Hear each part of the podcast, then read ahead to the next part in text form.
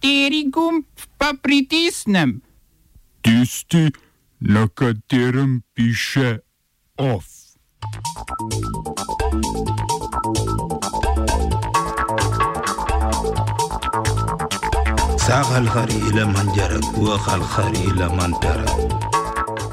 Nove ameriške sankcije proti Kitajski in Siriji.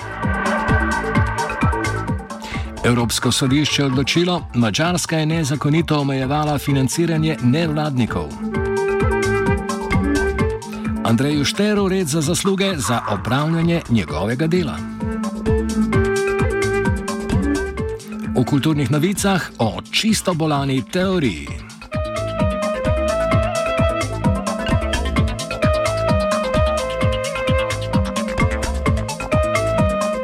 Evropsko sodišče je razsodilo, da je Mačarska kršila zakone Evropske unije s tem, ko je omejila financiranje nevladnih organizacij. Leta 2017 je skrajno desna vlada Viktorja Orbana sprejela zakon, ki od vseh nevladnih organizacij financiranih iz tujine zahteva registracijo in javno objavljanje donatorjev.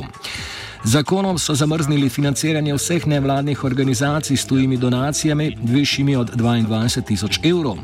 Po mnenju sodišča je Mačarska z omejitvijami kršila pravico do prostega pretoka kapitala in pravice donatorjev, kot so spoštovanje zasebnega in družinskega življenja ter zaščita osebnih podatkov.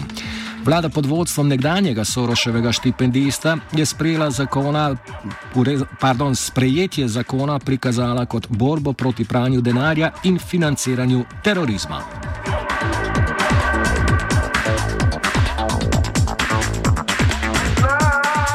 Združene države Amerike se še naprej borijo za pravice manjšin po svetu. Predsednik Donald Trump je podpisal zakon, ki omogoča sankcije proti kitajskim uradnikom zaradi množičnega zapiranja pripadnikov muslimanske manjšine Ujgurov.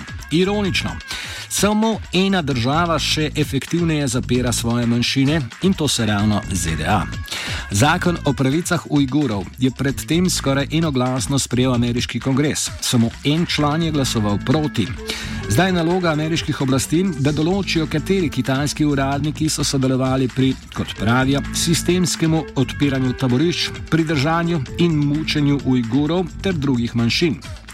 Tem, uh, tem naj bi potem zamrznili njihovo premoženje v Združenih državah in jim prepovedali vstop v državo. Če gre verjeti nekdanjemu Trumpovemu svetovalcu za nacionalno varnost in prvemu med eh, podporniki nasilnih menjav vlad v tujini, Johnu Boltonu, ter njegovi novi knjigi, je Trump sicer v pogovoru s kitajskim predsednikom Xi Jinpingom izrazil svoje odobravanje taborišč. Pa že.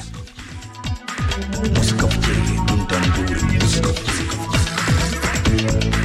Poleg zakona, ki predpisuje sankcije kitajskim predstavnikom, je včeraj stopil v veljavo zakon, s katerim je ameriška vlada uvedla nove sankcije proti vladi sirskega predsednika Bašarja al-Assada. Kaj je že dejal Trump pred nekaj dnevi? Da ZDA niso svetovna policija. Čudno, se se obnašajo ravno nasprotno. Kje pa muzika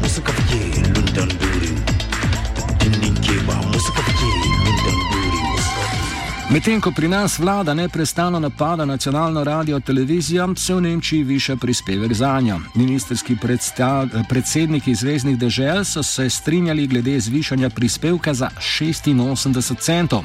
Sedaj morajo odločitev potrditi še deželni parlamenti, pri katerih pa ne bo šlo nujno tako zlahka. Tako imenovani Rundfunk-Beitrag eh, mora plačati vsako gospodinstvo v Nemčiji, ne glede na to, koliko naprav ima. Do zdaj je ta prispevek znašal 17,5 evra. Trenutni RTV prispevek za slovenske državljane, katerih kupna moč je vendarle znatno nižja, od leta 2012 znaša 12,75 evra. Namen višjega prispevka v Nemčiji je oblažitev finančne luknje, do katere je prišlo zaradi izpada dohodkov med epidemijo novega koronavirusa.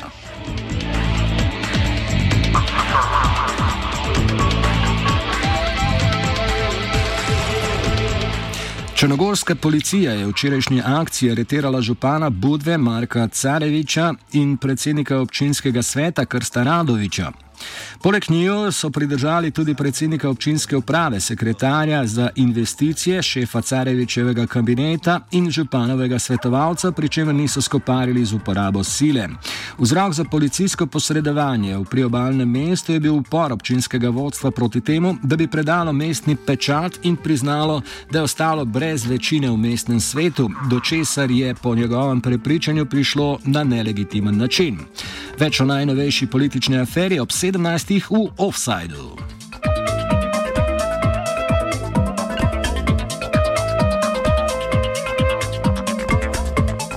Poslanske skupine so se poenotili glede predloga, da bi na seznam državnih praznikov umestili Dan slovenskega športa. Datum sicer še ni gotov, predvideva pa se, da bi praznik obeleževali 23. septembra. Se sta veslača Istok Čop in Luka Špik leta 2000 na ta dan dobila zlati medalji na olimpijskih igrah. Pobudo za praznik je že lani dal Olimpijski komitej Slovenije. Na ta dan pa naj bi še posebej izpostavili šport in telesno kulturo, če že vlada ni ugodila željam po višjem financiranju. Z uvedbo novega praznika naj bi ljudi še bolj spodbudili k zdravemu načinu življenja in gibanju.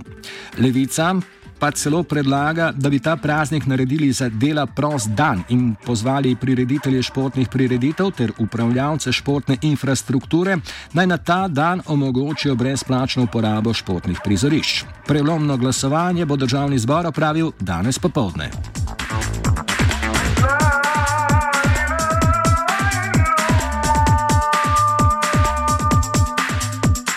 Predsednik Borut Pahor nadaljuje s serijskim podeljevanjem nagrad. Na zadnje je vodil konzular, vodji konzularne službe na Ministrstvu za zunanje zadeve Andreju Šteru podelil red za zasluge. Šter si je prestižno nagrado zaslužil zaradi svojega unetega bdenja nad vračanjem slovencev v domovino med epidemijo. Ta akcija velja za največjo repatriacijo v zgodovini Slovenije. Zaradi odpovedi poletov in zapiranja meja pa ji pripisujejo posebno zahtevnost. Šteru, ki je okoli 750 ljudem omogočil vrnitev v Slovenijo, se je predsednik zahvalil za vse stransko pomoč slovenskim državljanom. Zanemrljivo, glede na 25.671 izbrisanih leta 1992. Šter je protizakonit izbris kot minister za notranje zadeve med letoma 1994 in 1997 stalno zagovarjal in v njem ni videl ničesar spornega, ter se je celo znašel na sodišču zaradi osebnih želitev določenih predstavnikov izbrisanih. Bil je tudi med tistimi, ki so nasprotovali odločbi ustavnega sodišča, po kateri je izbris ljudi iz registra stalnega prebivalstva nezakonit. Prepričan je bil, da bo imela sodba zaradi morebitnih denarnih odškodnin prehude finančne posledice za državo.